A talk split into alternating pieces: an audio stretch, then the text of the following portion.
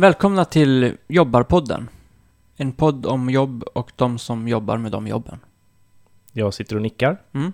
Det stämmer bra. Och vi har pratat med en eh, friteatergruppmänniska. Mm.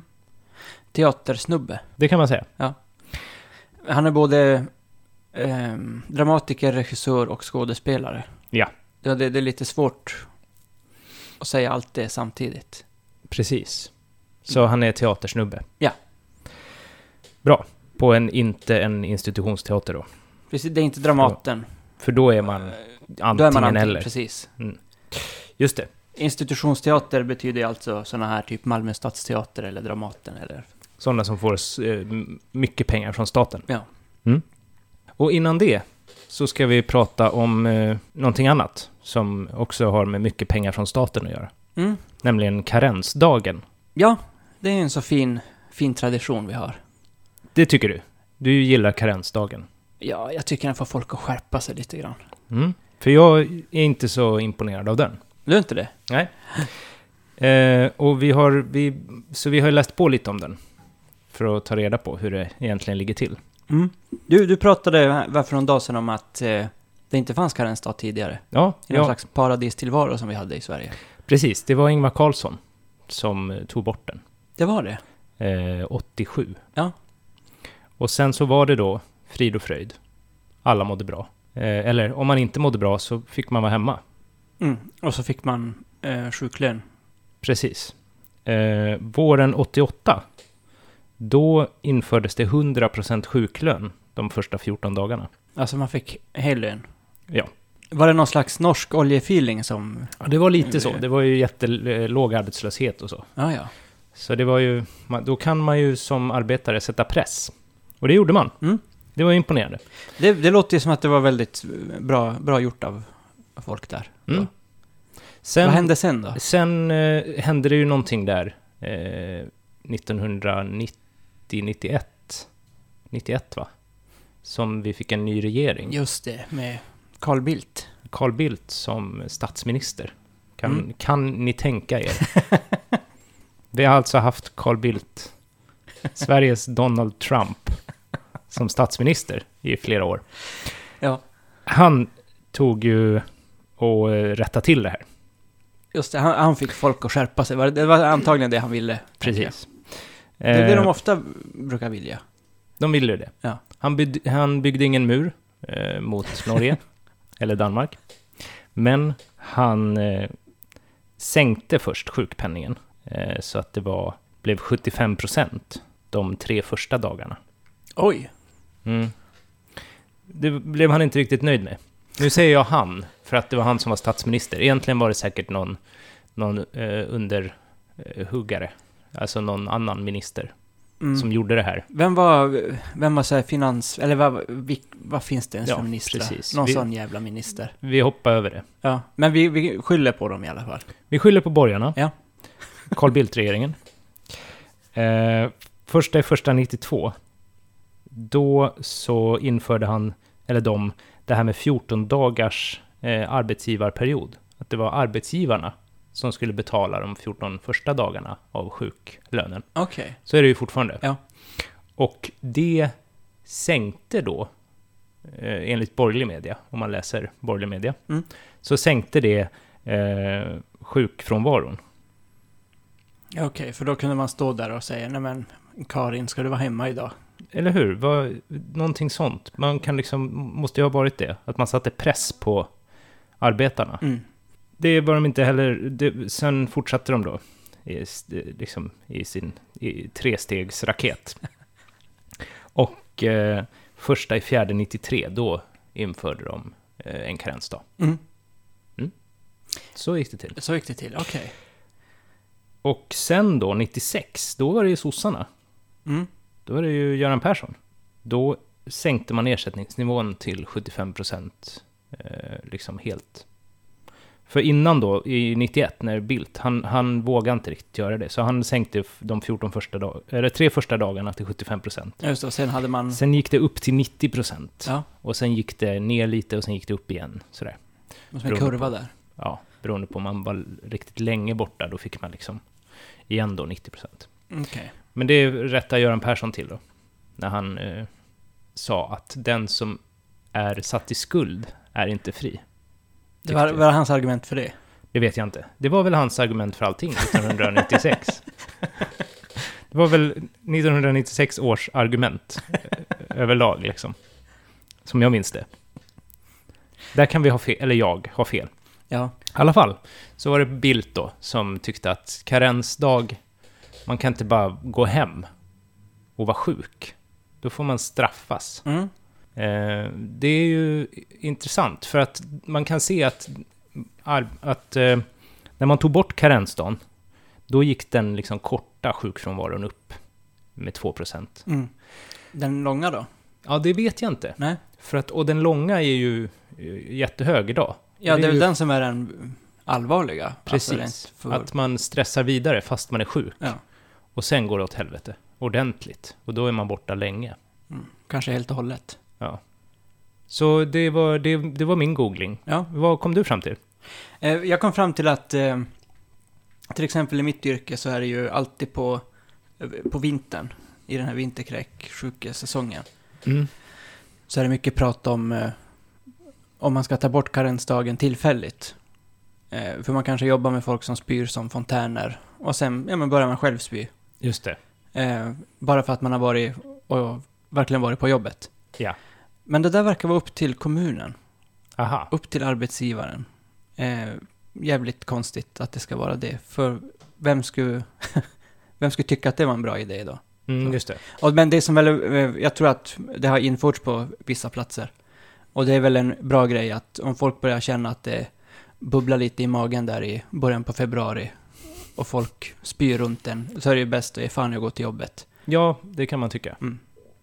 Eh, Speciellt om man jobbar på sjukhus eller på dagis eller Mm. där det liksom är många andra som också Precis. kan bli smittade. mm. Så det blir ju en väldig farsot. Ja, ja det är det. Det blir det ju. Vår Också. tids pest, som det kallas. Okej, det kallas det. Kort tid, korttidspesten. Precis. För sen blir man ju frisk igen. Sen är allt som vanligt. Mm. Ja. Men eh, sen har jag också kommit fram till att det finns något som heter särskilt högriskskydd Mhm. eh, som man kan få. Och då får man ingen karensdag. Men nu innan ni går och liksom ansöker om det så ska ni veta att man ska ha då en väldokumenterad medicinsk åkomma som Mm. är besvärlig. Jaha. Så. Det är inte det att man har kanske lite ont i halsen Eller småbarn hemma. Eller småbarn, precis. Mm. Eh, för de drar väl massa bakterier hem till sig. Det kan man ju, och då när man vabbar har man ju ingen karensdag. Just det. Det är ju skönt. Mm. Eh, så det är ett tips att skaffa småbarn. Ja. Man blir ju mer sjuk. Eh, men man kan ju försöka, man kanske blir sjuk.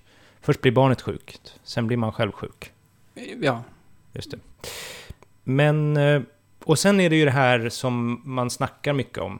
Att om man går hem, jag har använt mig av det några gånger när jag jobbar på posten. Mm. Om man blir sjuk på eftermiddagen. Man känner på eftermiddagen att nu håller jag på att bli sjuk. Mm.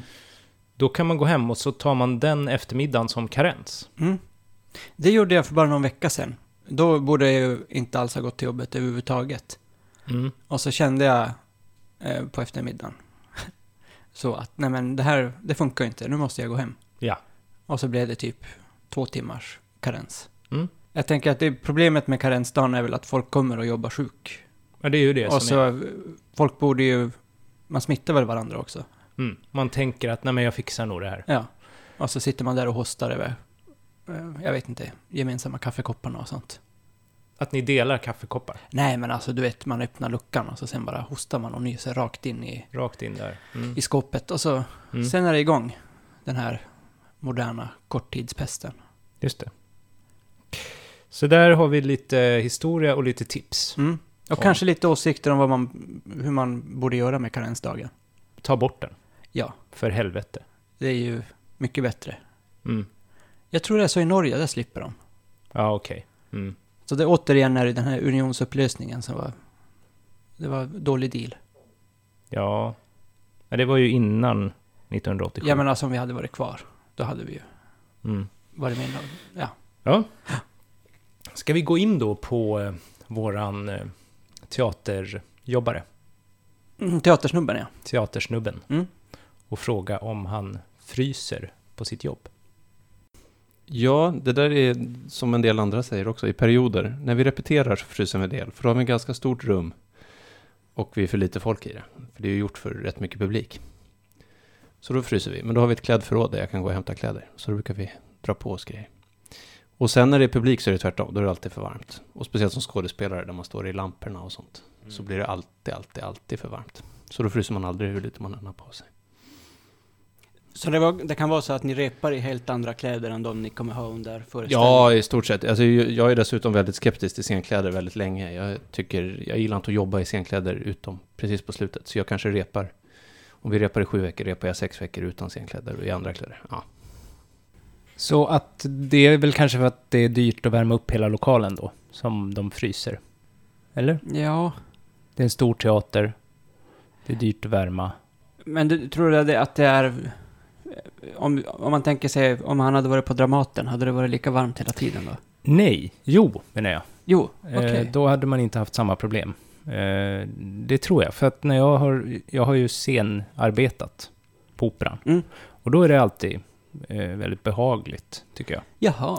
Det Ja. kan vara lite varmt ibland för att de har en, eh, solen ligger på eh, mot den största väggen, söderväggen. Eh, Okej, så, Så att då blir det lite...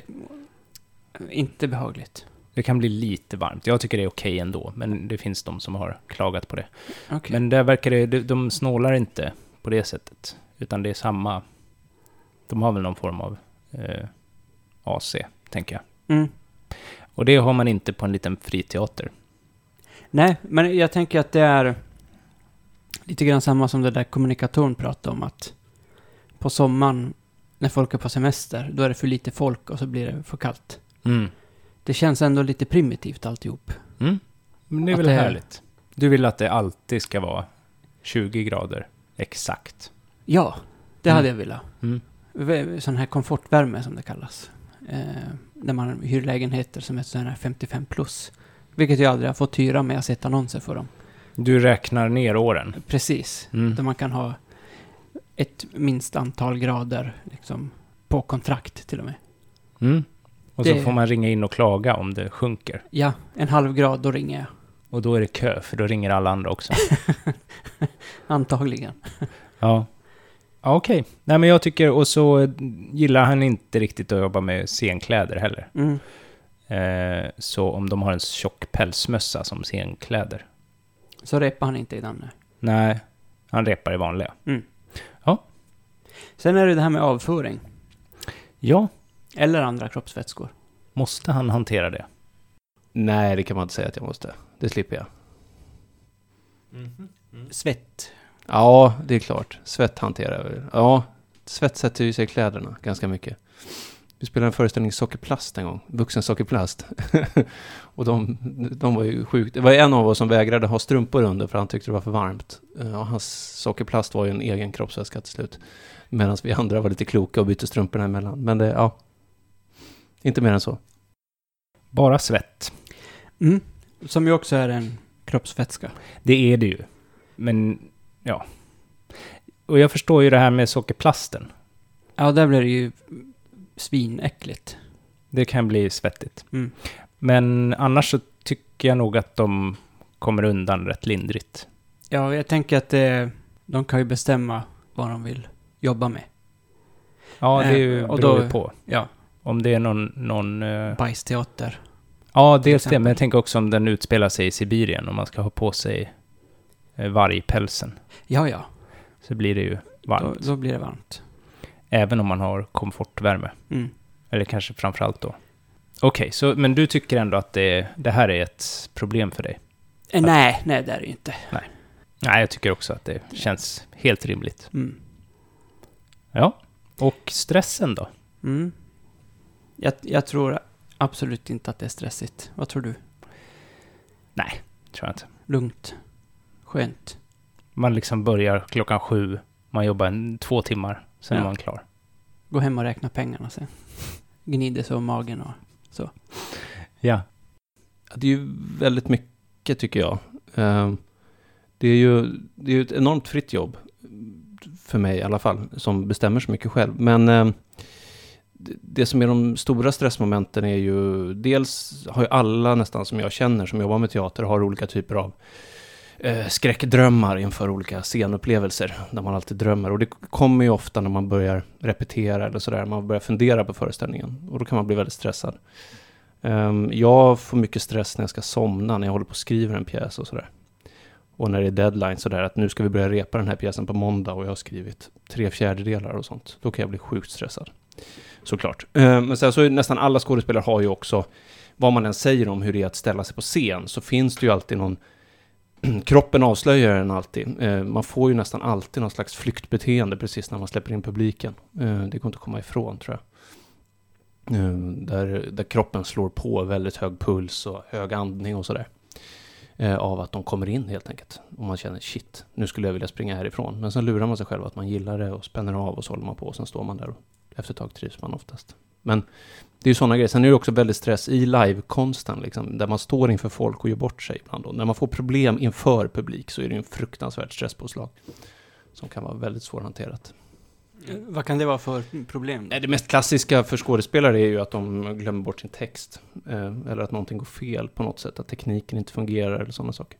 Sen, jag har jobbat väldigt mycket med det för att liksom bygga bort stressmomentet ur livekonsten och istället användas av det som slags nästan clowner eller sådär. Att någonting går fel så, så jobbar vi med det öppet mot publiken just för att slippa det där enorma stresspåslaget. Och det har funkat ganska bra. Så det är väl vårt sätt att lösa det. Ja, det, jag tänker att mycket har ju med förberedelse där att göra. Mm. Som den där gången då han hade bara, vad var det, tre fjärdedelar skrivna av en pjäs. Och de skulle repa om några dagar. Ja, precis. Men Lite sen är så det att man kan också... skylla sig själv där då. Ja, det kan man väl inte... Ja, det beror ju på. Nu är det hård. Men det kan man vara. Eh, jag tänker att eh, det som framförallt verkar stressigt, som han ju också säger, det är det här med scenskräcken. Mm. Eh, att man kanske inte har scenskräck, men att man ändå alltid blir nervös när man ska prestera. Jo, jo. Då är man nervös på jobbet egentligen varje dag. För det är ju inte att springa fortare i korridoren. Nej. Eh, Men det är ju ändå så att man kan må dåligt av det, kanske. Men det får man ju faktiskt, om man är skådespelare så kan man ju inte ändra på den grejen. Alltså man får ju jobba med det då. Man kan ju inte ta bort publiken och säga nej men jag spelar inte för publik för jag blir så stressad då. Det går ju inte. Så, så man får jobb, jobba på det då. Ja. Men skulle du fixa det?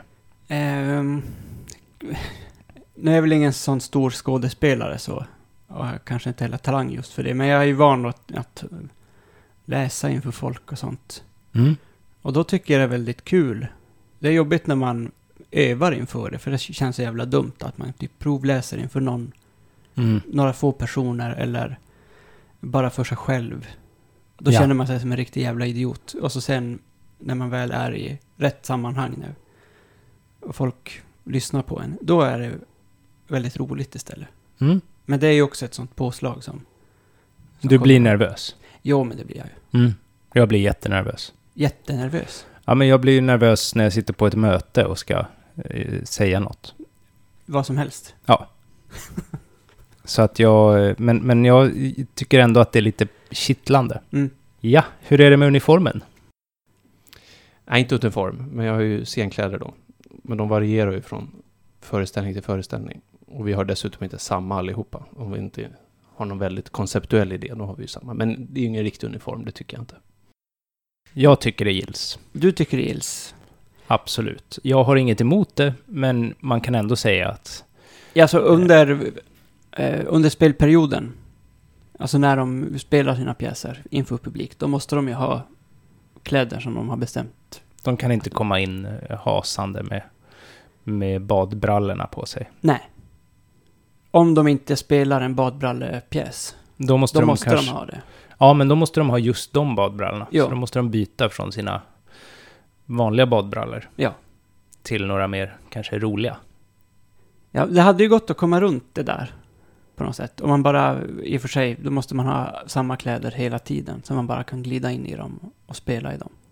Att man är... Man har de kläderna. Mm. Man är en sån person som Precis. gillar... Ja.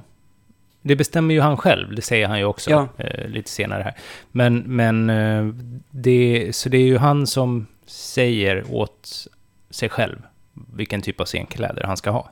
Ja, Men det spelar ingen roll i sammanhanget. Han måste ha uniform. ja. Vi, vi, jag tycker vi kan, vi kan säga att han Vi behöver bock, bockar ja på den frågan. Ja. Mm. Ja, då är det auktoritetsfrågan. Mm. Finns det någon auktoritet som står över teaterdirektören? Är det det han är? Nej, men han är ju allting. För han har ju en liten friteatergrupp. Mm. Ja, men vi får höra vad han säger. Nej, det, det påminner väl lite, jag lyssnade på förläggare, alltså vi, vi har ju finansiärer, men det finns ju ingen auktoritet på jobbet som bestämmer över mig, utan eh, vi har i och för sig en styrelse som rent formellt godkänner det vi gör, men det är väldigt, de godkänner allt vi föreslår. Eh, och, men sen så, utan sen när vi jobbar så är det ju mycket jag som är auktoriteten, för jag är, ju, är det som vi kallar arbetsledare under själva reprocessen. Eh, så då är det jag som är auktoriteten, så jag slipper ju någon annan som bestämmer över mig. Så är det. Mm, så det är han som är auktoriteten. Mm. Vi har intervjuat en chef. Precis. Hur kändes det? Jag blev ju nervös. Ja, direkt, jag, du började ju flacka med blicken under intervjun. Mm. Du sprang och hämtade kaffe och du fixade ju... Försökte göra, göra det bekvämt för honom. Ja. Men det var inte bekvämt för mig. Nej, nej, nej det, jag märkte också av det att du tyckte det var oerhört jobbigt. Ja, Men för, det verkar ju vara en väldigt bra styrelse de har som godkänner allt de föreslår. vad de än föreslår så godkänner styrelsen den. Det är ju... Ja, det, det känns ju skönt och fritt. Bättre kan det ju inte bli, tänker jag. Man måste ju ändå känna då att man har styrelsens fulla förtroende hela tiden. Det måste man känna. Mm. Ja, Ja. nej men det, ja, det verkar ju ändå rätt, rätt okej. Det här verkar ju bra än så länge. Absolut. Eh, om jag var i hans skor så skulle jag ju då inte ha någon tydlig auktoritet som stod över mig. Men då skulle du vara det, om du skulle ha liksom arbetsledaransvar. Hur skulle det Mm. kännas för dig? Det har jag ingen aning om. Det har jag Nej. aldrig provat. Nej. Det kanske är det som fattas, att du inte haft en chefsposition. Men hur skulle jag bli som chef? Ja, det, det, då kanske bara blommar ut då. Jaha. Att det är det jag ska göra? Ja, vem vet. Gå med i Svenskt Näringsliv och bara börja söka chefsjobb? Ja, Framförallt börja prenumerera på den där tidningen Chef. Som man kanske får i och för sig om man är med i något vi- visst fackförbund. Men gå med i det. Till att börja med så kan du ju... Spännande. Ja. Jag ska fundera på det. Men det här med fysisk arbetsplats då? Mm. Hur är det med det? Det där är ju också både och. Jag har ju väldigt uppdelat arbete. Jag är, går ju tre skift kan man säga, där jag först skriver en pjäs och sen så repeterar jag pjäsen och sen spelar jag pjäsen. Och när jag skriver pjäsen har jag ingen arbetsplats, då är jag hemma. Eh, Och då kan jag ju gå vart jag vill när jag vill. Men jag brukar ju försöka se till att eh, ändå jobba liksom rätt regelbundet. Men jag kan gå precis vad jag vill. När man repeterar så är det ju lite mer bundet, för då är det andra människor som ska då vara där. Eh, men det är fortfarande så att det är jag som bestämmer om vi ska ta en paus eller så, så jag kan ju gå ifrån. Men sen så är det ju det som är speciellt då är ju sen när man spelar, för då är det ju nästan tvärtom. Skådespelare spelar ju nästan alltid sjuka och sådär, för att då känner man ju verkligen att man inte kan gå en millimeter eh, när man väl är inne i en spelperiod. Så skådespelare spelar ju ofta både skadade och sjuka eh, av den anledningen. Men det är bara en del av mitt arbete, inte hela tiden. Så det varierar. Brukar du försöka lägga då liksom spelperioden eh, i en tidsperiod där du vet att du brukar vara frisk? Eller? Ja, jag har, jag har funderat på det. Men jag, jag rättare, oftast har jag mest jobbat, eh, spelat på höster, där man inte är lika mycket vi- vinterkräksjuk. Ehm, men eh, de senaste åren har det blivit mer eh, arbete, så då har jag inte kunnat göra så. Så um, jag har både spelat sjuk och faktiskt nu senaste året även varit tvungen att ställa in någon gång när jag hade, var sjuk så att jag hade så kraftig yrsel att jag inte kunde sitta upp. Då var jag tvungen att ställa in. Men det är ovanligt liksom.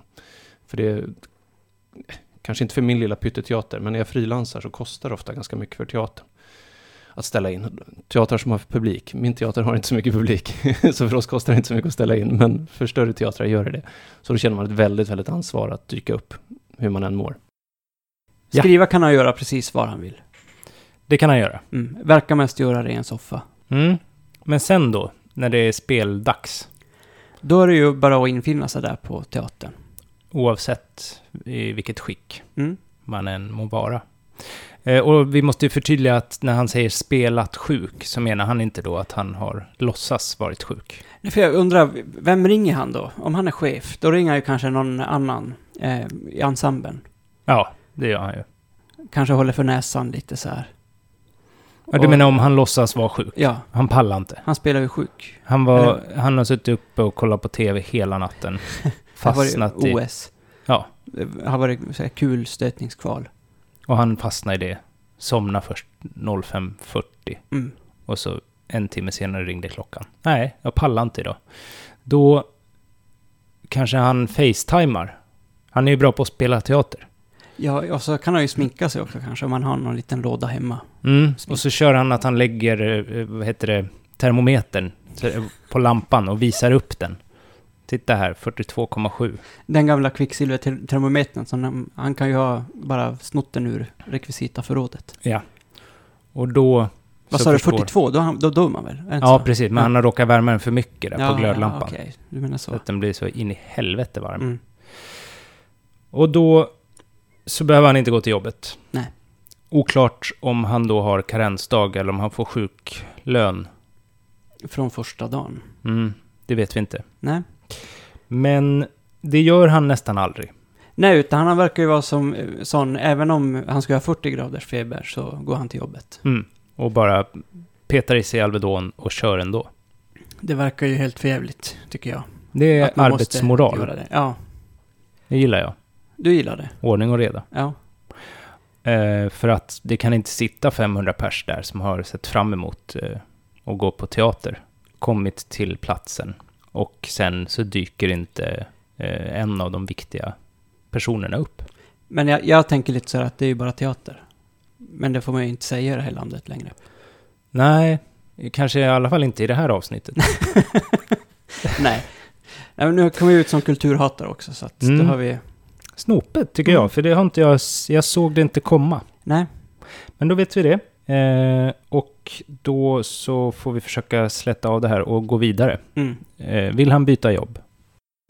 Nej, jag vill inte byta jobb. Jag skulle kanske vilja byta vissa förutsättningar ekonomiskt eller sådär. Men jag, nej, jag vill inte byta jobb. Jag trivs väldigt bra med mitt jobb. Han vill inte byta jobb. Nej, men vissa förutsättningar vill han byta. Jag kan väl eh, redan nu flagga lite för att det här jobbet ligger eh, bra till som kandidat för mitt drömjobb. Ja, okej. Så att jag hade nog svarat samma fråga, samma svar som han gjorde på den frågan. Ja. Eh, om jag var i hans kläder. ja, jag tycker också det låter bra. Det jag hade velat ha då, det är kanske ha en ersättare. Om man skulle vara sådär jättefebrig. Mm. Så man hallucinerar. Då hade jag velat ha någon som har varit med på alla rep och repat. Någon som ser ut som dig fast lite fulare. Precis. Mm. Så att folk kan säga så här, men det var nog Olle som spelade med. Oh, han måste ha varit jättesjuk. Mm, just det. Mm. Ja, Men i övrigt så, låter jättefint och Mm. kul. Och det tycker han också. Ja. Och eh, välbefinnande. Har han ansvar för någon annans välbefinnande? just det. Ja, det har jag ju. Eh, eftersom jag, dels så är vi ju då en teater där jag är den som producerar eh, material. Vilket betyder att om inte jag producerar något material så har de andra inget riktigt arbete. Eh, så där känner jag ett ansvar. Men sen också när jag är inne i det som jag kallar då arbetsledande under repprocess och så. Då, då handlar det väldigt mycket om att jag, vi har väldigt uttalat att det är jag som är ansvarig för arbetsklimatet. Om det blir strul, om det uppstår konflikter så är det mitt jobb att liksom hantera dem. Så det har jag. Det hade det, han. Det har han ju, jo. Mest för att han är chef. Ja, och det där som jag skulle tycka är rätt pressande att eh, säga han åt någon så här, jag ska skriva en pjäs. Mm. Okej, men då bokar vi upp folk för det här. Och sen Och blir så det inget. sitter han och skriver den. Och får han inte klart den så har inte folk jobb. Mm, precis. Ja. Det, det skulle jag tycka var stressande. Och det är ju väldigt välbefinnande ansvar. Om man kan tycka att välbefinnande även har med ekonomi att göra. Om, om man tar det ansvaret. Mm. Så det är ju stort av honom. Ja. Bra. Sen är det sista frågan här. Hur känner han på söndagarna? Mm. Är det jobbigt då att tänka att imorgon ska jag ligga i samma soffa, men då ska jag skriva pjäs? Ja. Nej, det har jag inte. Jag har faktiskt till och med tvärtom nästan, att jag har fredagsångest ibland. Eh, att eh, jag kan tycka det är jobbigt att sluta för helgen och ta ledigt. För att jag har roligt och vill fortsätta jobba liksom. Däremot finns det ju massa andra ångest inblandat som- för skådespelare. Det jag pratade om tidigare med scenskräck och sådana grejer. Men, men ingen söndagsångest. Den är totalt frånvarande. Fredagsångesten. Den är ju du bekant med, men en annan slags fredagsångest. Just det, att han liksom längtar Mm. till måndagen. Inte så att han tänker, åh nej, nu är det snart måndag. Ja. Utan han tänker, oj, nu måste jag vara ledig i två dagar. Jag som har flyt. Ja. Mm. Men och då undrar jag, varför måste han vara ledig? Hur ser hans familjesituation ut? Har han barn och sånt? Ja, han har barn. Och de, de vill ju Kanske göra något annat än, Leos lekland och just det. vad man vill göra. Ja, jag vet Mm. inte. Det beror ju på vad det är för årstid. Och vad det är för barn. Ja, just det. Fotboll är det nog. Ja, det kan det ju. Ja, ja. Mm. Mm. Ja, men eh, så att då slipper han det. Ja. Och det är ju jättebra. Ja, det är ju, tänker jag, det stora tecknet på att man har rätt jobb. Mm. Att man verkligen på fredagen känner att fan, jag hade velat fortsätta. Mm. Så att det här, det ligger fortfarande väldigt nära för mig. Mm. Och känna, eh, känna att det här, nu har jag hittat. Och då Du får starta en konkurrerande friteatergrupp. Då får vi, då får du ta över podden själv. Ja. Och så får jag försöka driva friteatergrupp. Okej. Vi får se hur det blir. Vi pratade med honom om det här med pengar. Ja, hur, hur de får pengar. För det är ju inte så att man eh, tjänar jättemycket pengar på biljettintäkterna. Nej, eh, och det är inte så mycket publik heller så att de liksom går runt på... Även om de skulle Ta tjäna tre. någorlunda på inteckningarna så det skulle väl liksom inte tä- täcka alltihop. Nej, precis. Om de tar tre och fem biljetten, kanske. Ja. Men är det inte något sånt, jag har sett några siffror på vad typ en teater, vanlig teaterbiljett på det man kallar då institutionsteater skulle kosta om de inte var Mm. subventionerade av staten. Det skulle ju vara så här flera jävla tusen för att gå och titta på. Körsbärsträdgården på Precis, Dramaten. just den är jävligt dyr. Mm, den är svår. Ja. Eh, och så är det ju på Broadway. Där kostar ju biljetterna Mm. tre och fem. Sådär. Men vi lyssnar då hur, hur de löser problemet. Från staten och från kommunen söker jag för varje år och från regionen söker jag för varje föreställning. Okej. Ja. Kan, kan du berätta om den processen? Jag tänker att den skulle vara väldigt stressig. Mm, Eller att det blir... stressig är den ju inte, men det, men det finns ju... Det finns ju klara inslag av ordbajs i det. Eh, och det kan jag tycka känns lite jobbigt. Alltså det handlar ju om att... Eh, att i ren textform i förväg tala om vad ens konstverk ska bli. Och, och konsten i sig är ju inte text, utan det är ju ett live-ögonblick med en publik. Liksom. Så att det, själva idén att man ska kunna dels beskriva det i förväg eh, på, ett, på ett bra sätt eh, är ofta fel. Jag tycker aldrig det går. Eh, och jämför man det jag beskriver i förväg att jag ska göra och det som blev gjort så stämmer det väldigt sällan. Och, och det, i längden så känns det ju som man sitter och ljuger någonstans. Ehm, samtidigt som jag, jag, jag, jag gör ju ändå så gott jag kan när jag skriver de där ansökningarna. Ehm, men eh, men det, är ett, det är en märkligt förfarande tycker jag. Mm, och det, det stressiga, det- alltså ja, det är väl ofta stressigt på ett sätt för att man prioriterar ner det och vi, det är ju inte den roligaste delen av arbetet. Det är det ju inte. Ehm, så det blir ofta lite sent.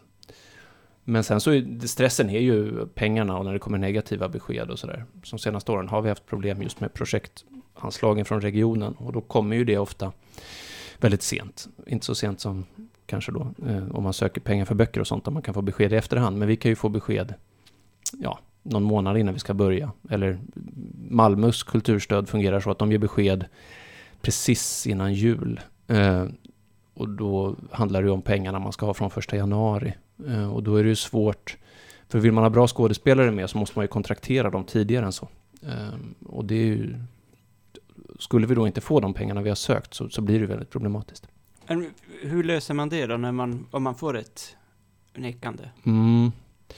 Då eh, handlar det ju väldigt mycket om att man börjar plocka bort ersättning till sig själv. Eh, och eh, börjar plocka bort... Det blir mer och mer ideellt arbete för oss som driver gruppen, ju mer eh, nej vi får, så kan man väl säga.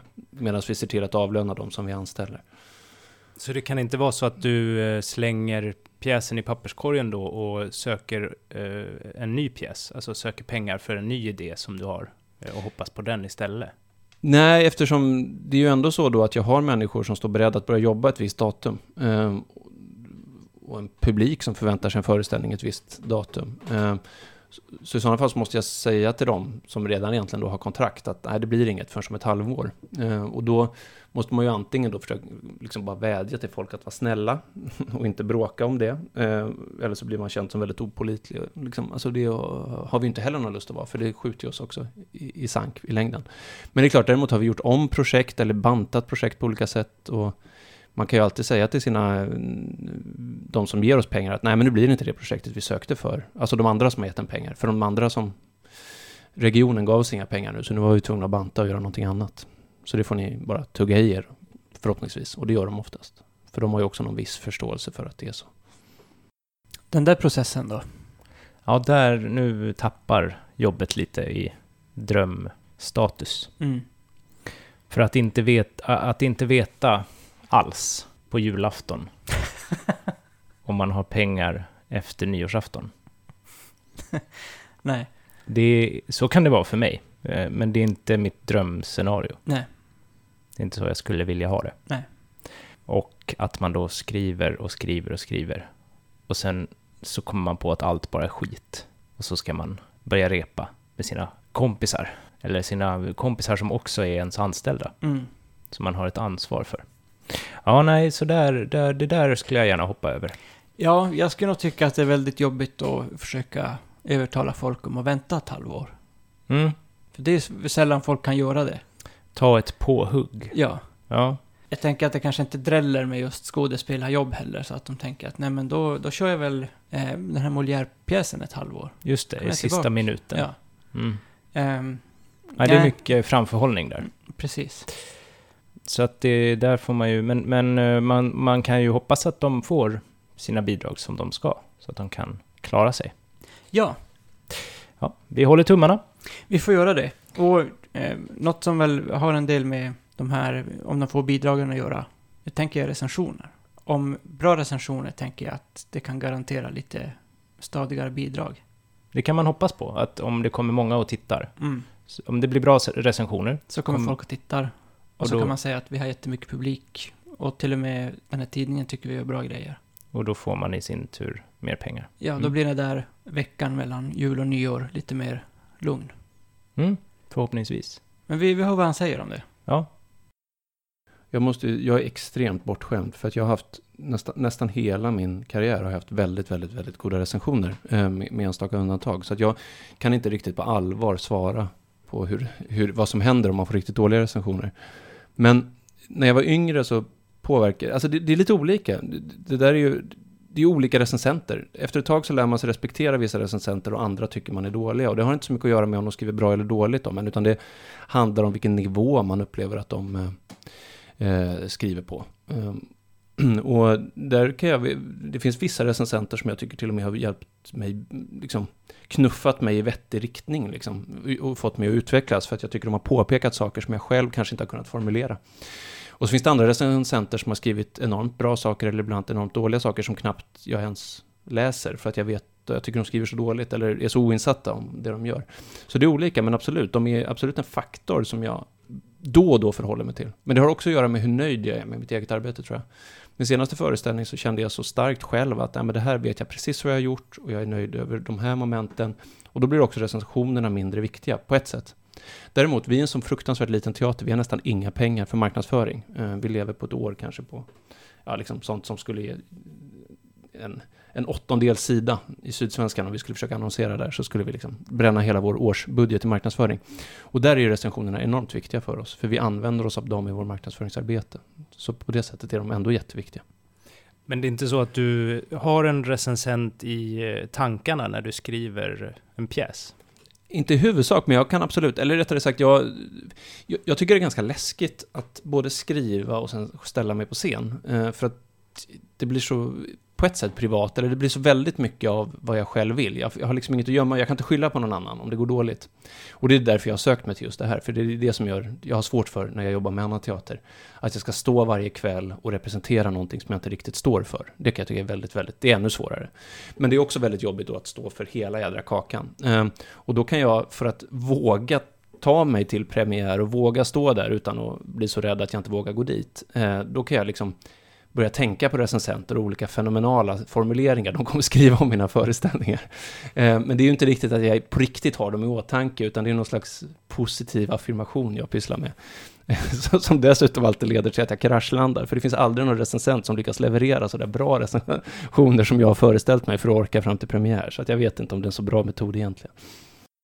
Så han får bra recensioner? Ja, han verkar, verkar få det. Lite bortskämd säger han att han är dessutom. Mm, det kan man förstå. Ja. Om man bara får bra recensioner så blir man ju då Bortskämd. bortskämd. Absolut. Men han säger ändå att han inte eh, bryr sig så mycket om dem.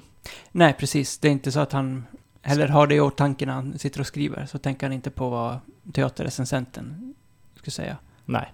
Däremot så tänker han eh, på kanske försöker formulera vad de kommer skriva. Vilka fantastiska Mm.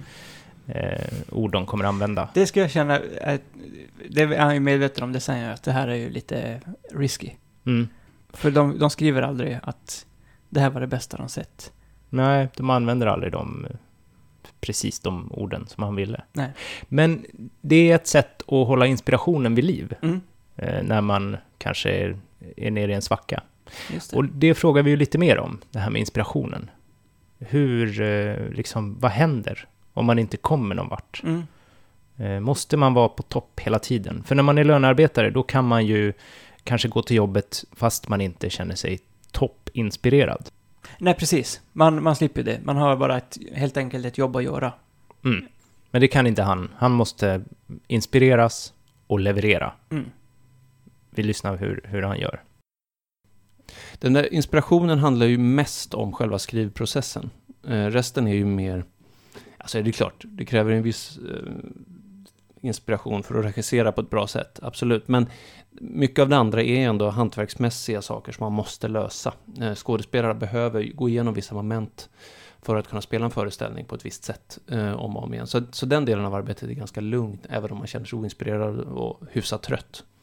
Eh, sen är det bättre om man har större lust. Jag är väldigt, väldigt lustdriven eh, och så försöker jobba väldigt lustdrivet och låta andra gå på lust också. Eh, för jag tycker att det blir ett bättre resultat. Men, men det är inte absolut närvarande att man varje dag sprudlar av kreativitet och eh, bra humör. Eh, däremot när jag skriver så är det ju mer så, även om jag rent mekaniskt försöker tillämpa lite sådana här Benny Andersson-principer som hävdar att han sätter sig och skriver. Ni, ni pratade om Jan Guillou också, som satt och, sig bara och skriver vissa klockslag. Och jag försöker ju också göra det sådär. Jag tycker sällan det blir särskilt bra, men jag försöker sitta där och hålla på ändå varje dag när jag är i en skrivprocess. Men det gör ju också att man blir förbannad till slut. Eh, det blir ju inte roligt och det blir dåligt. Liksom. Jag har en gång skrivit liksom, jag har skrivit hundratals sidor en gång till en pjäs som, som inte gick att använda just bara för att jag försökte jobba med den metoden. Så jag vet inte om det är något jag rekommenderar faktiskt. Det här då, ska du kunna... Pressa fram? Ja. Nej, jag tror inte det. Jag vet inte. Det är svårt att säga. Vi pressar ju fram, vi levererar ju avsnitt här varje vecka. Det gör vi faktiskt. Det känns inte som att jag behöver pressa då. Nej, Jag tycker inte så synd om mig själv. Eh, Nej men det gör inte jag heller. Jag tycker det går rätt bra faktiskt. Det flyter på. Jo. Och så kan det ju bli kanske, om man eh, liksom skriver pjäser hela dagarna. Ja, men jag tänker då är det ju ändå... I och för sig, man börjar väl på samma sätt ungefär, tänker jag. Inte Hur- som att göra podd, men att, att man börjar med så här... Man kanske får en bild, man har en scen, man har någonting. Mm. Så. Men eh, det ska ändå vara liksom olika saker hela tiden. Man kan ju inte göra samma pjäs sådär. Vi har ju ändå en tydlig liksom struktur. Just det, Som vi vi- gör samma avsnitt om och om igen. Ja, och vi har ju samma frågor ganska mycket i alla fall, Mm. tänker jag. Och samma skämt. Ja, vi... Eh, Har man hört ett har man hört alla. Precis. Nej! Är det så? Men okej. Nej, nej men alltså jag tror att det är... Jag skulle ha mer ångest om jag var tvungen att eh, leverera såna här pjäser som folk ska sen spela och så handlar...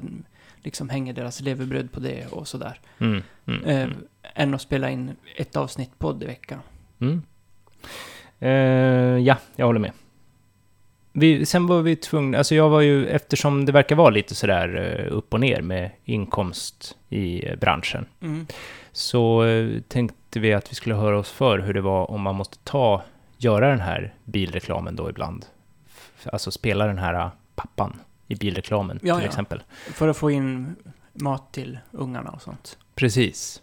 Eller klarar man sig med, och kommer man undan med konstnärligheten i behåll? Liksom. Mm. Nej, alltså, jag skulle... Det beror på vad man menar med måste. Jag har inte gjort det, eh, för jag har än så länge kunnat istället vända mig till skitgiget a-kassan. Ehm, liksom det, det är ju det som är alternativet då till att stämpla ibland. För stämpla måste man nästan göra när man jobbar så mycket med projektanställningar som vi gör. Eh, jag har väl tagit en del frilansjobb kanske som jag inte tyckte var jätte, jättebra. Men jag har inte varit riktigt...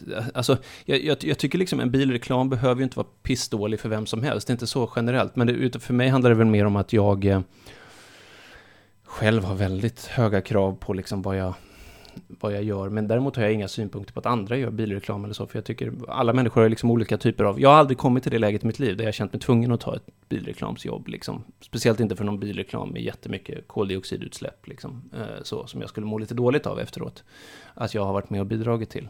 Eh, så det har jag inte behövt, men jag kan tänka mig att jag någon gång i mitt liv kommer dit och då får jag väl säga, ja, då gör jag, får jag väl göra det, men jag, ja, än så länge har jag inte behövt göra det. Det är inget fel med bilreklamer. Nej, men han har sluppit. Mm. Men han tänker att det kan hända i framtiden, men kanske inte just bilreklam. Precis. Men eh, han ska ju passa som den här pappan i Renault-reklamen, tänker jag. Ja, Tycker jag. så om... Skägg och sådär. Ja, men det var det här med miljöförstöringen också. Just det. Om Renault gör bättre bilar så kan de ha en skådis i framtiden. Ja, då slipper de ta en från verkstadsgolvet bara. Precis. Ja, ett tips. Mm. Och sen är det ju det här med fobierna Mm. som vi måste beta av. Och nu i det här eh, yrket då så är det scenskräcken som Ja, det... är pockar på. Mm. För man har ju varit med om folk så här, som kanske ska hålla tal. Ja, Eh, eller bara hålla en presentation. ja, Eller säga ett enda dugg liksom framför folk. det är du som har sett mig göra något sånt, eller? Nej, nej det har jag inte. Jag har faktiskt Nej. inte sett dig i sådana situationer. Men du menar ju att du blir rädd då på varje möte? Ja. Så. Eh, här är du, känner du dig trygg? Här inne, Ja. när vi sitter och babblar? Ja. Ja, ja. Mm. Det är lugnt. Men om du tänker alla lyssnare som sitter och lyssnar live, om de hade kunnat göra det? Mm. Då eh, får jag, alltså det, jag tar det när det kommer. Okej.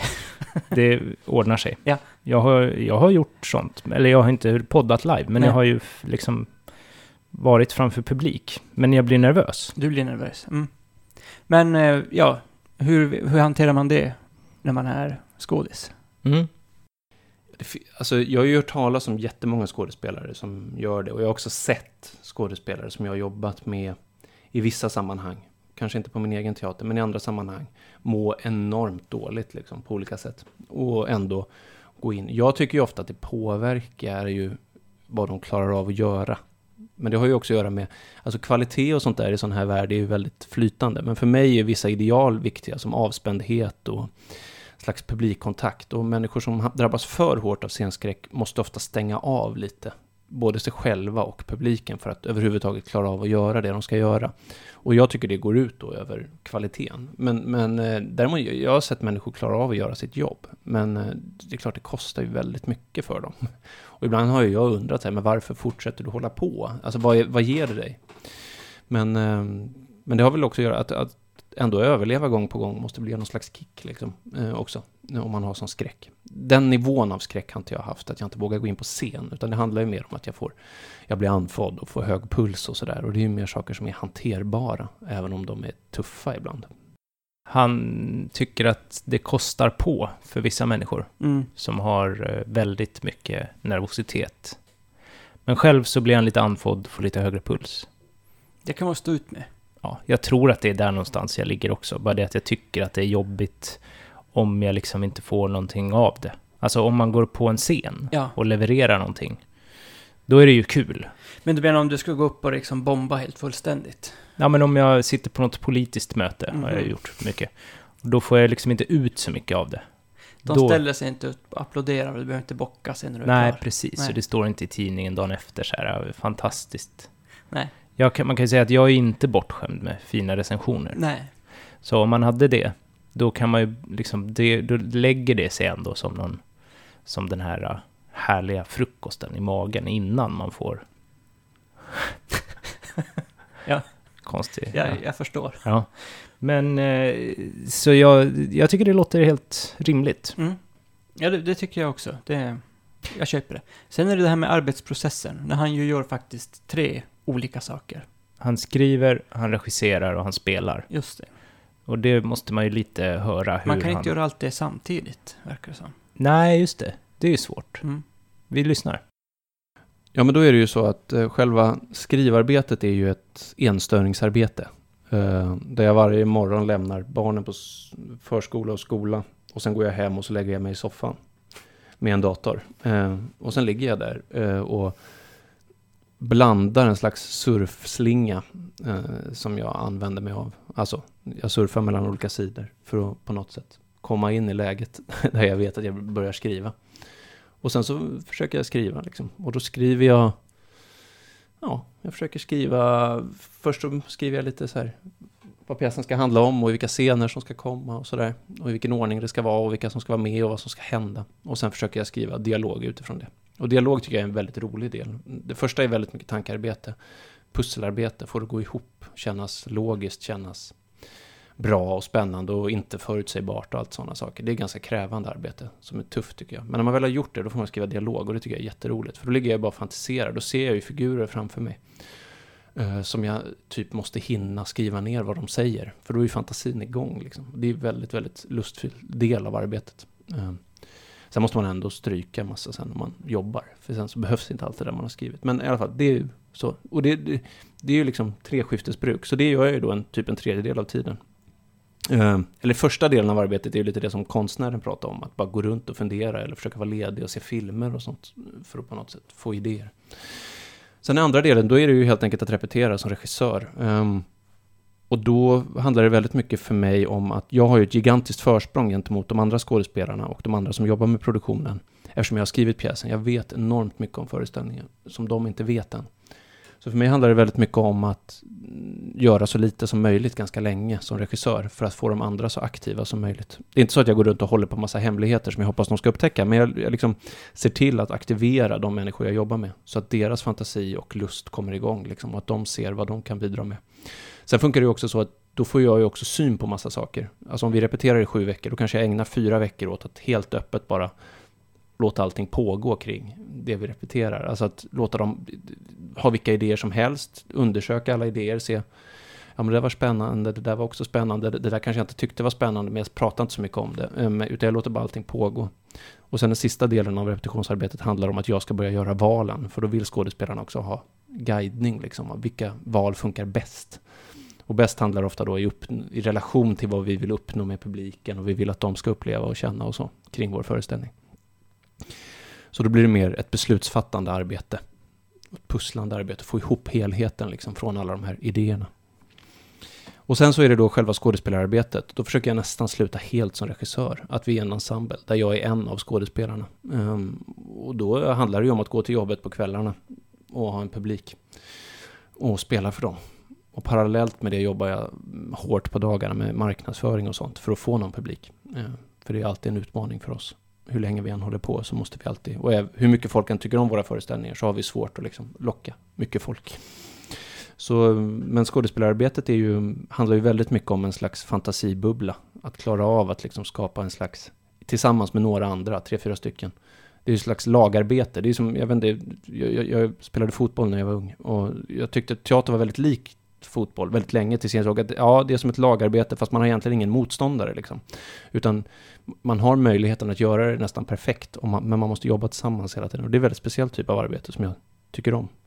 Och det skiljer sig, de här tre delarna skiljer sig så mycket åt. Och det är därför jag gör alla tre också, för jag gillar den variationen. Och de innehåller stimulans åt mig på helt olika sätt. Liksom.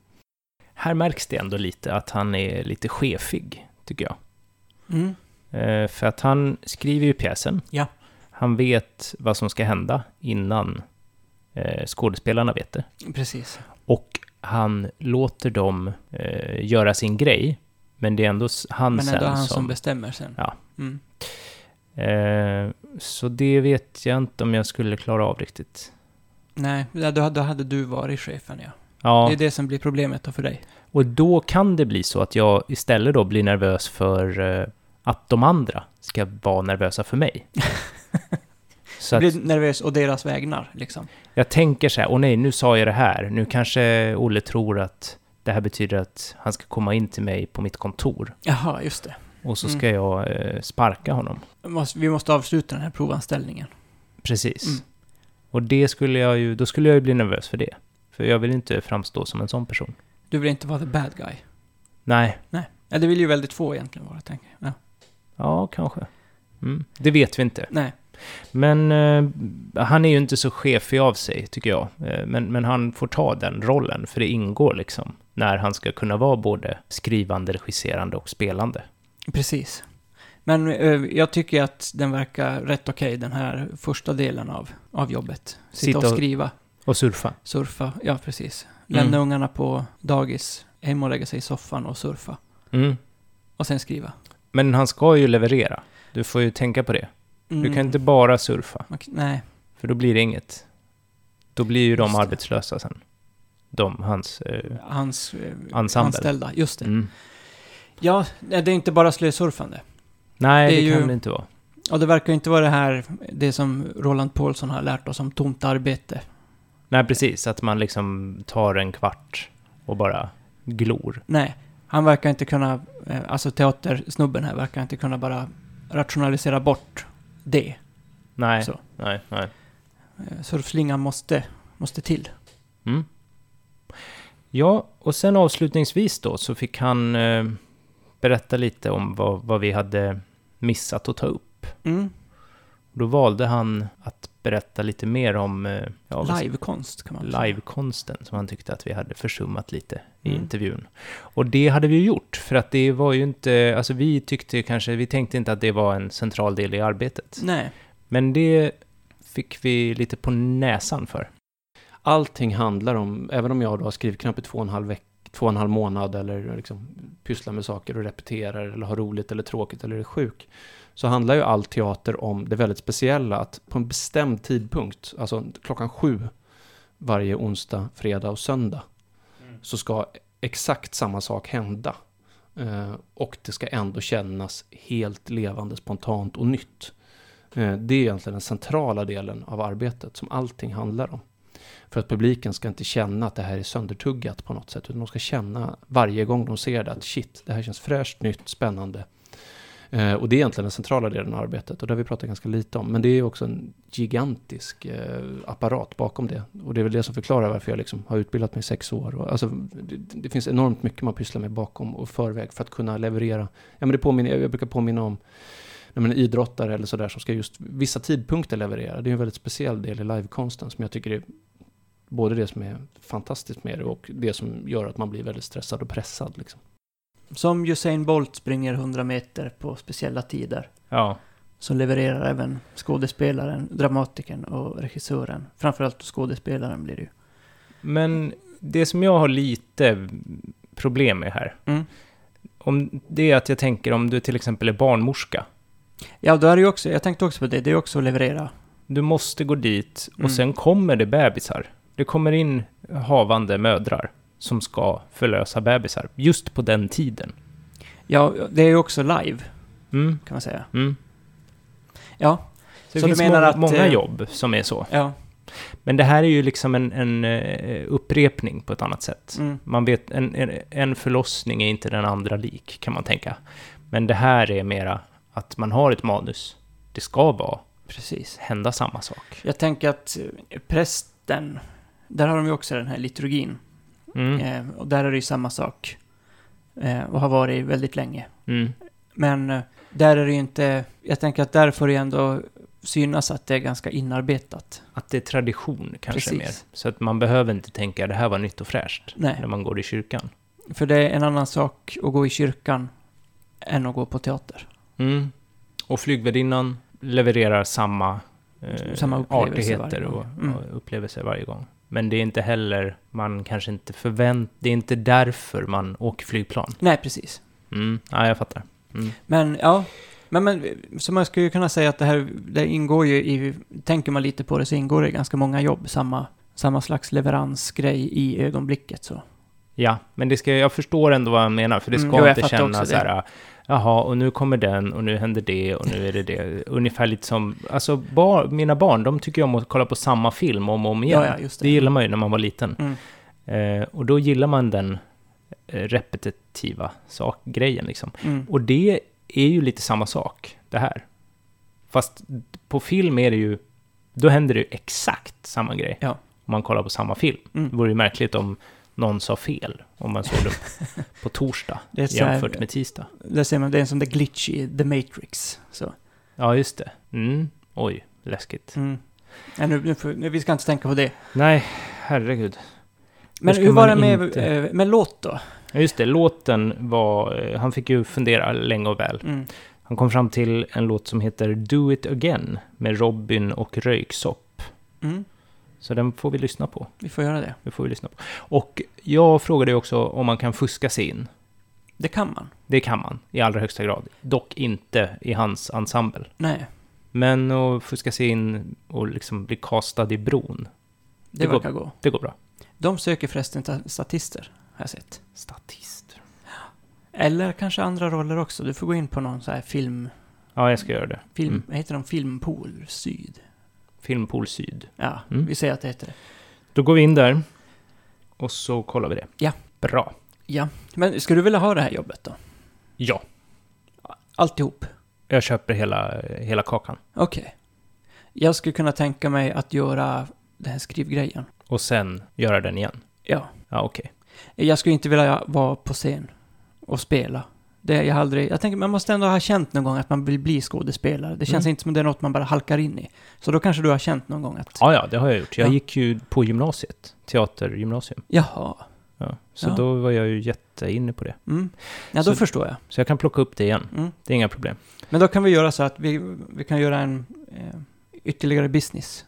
Jag skriver pjäser, du spelar dem. Monologer då? Ja, det får ju bli det. Mm. Ja, visst. Ja, men det kan vi göra. Mm. Då kör vi på det. Eh, och det kommer bli kanske inte en podd då, eller? Nej, det får man väl göra då live. Vi, får, vi gör scen. reklam. Vi kommer göra reklam för det senare. Ja, Mm. Nästa vecka, när du har skrivit den första pjäsen. precis. Då har jag lite press också. Mm. Bra, och då så kan man eh, mejla oss som vanligt. Mm. På Och- jobbarpodden snabelaggmail.com. Mm. Ska vi nämna att vi har varit i tidningen också? Just det.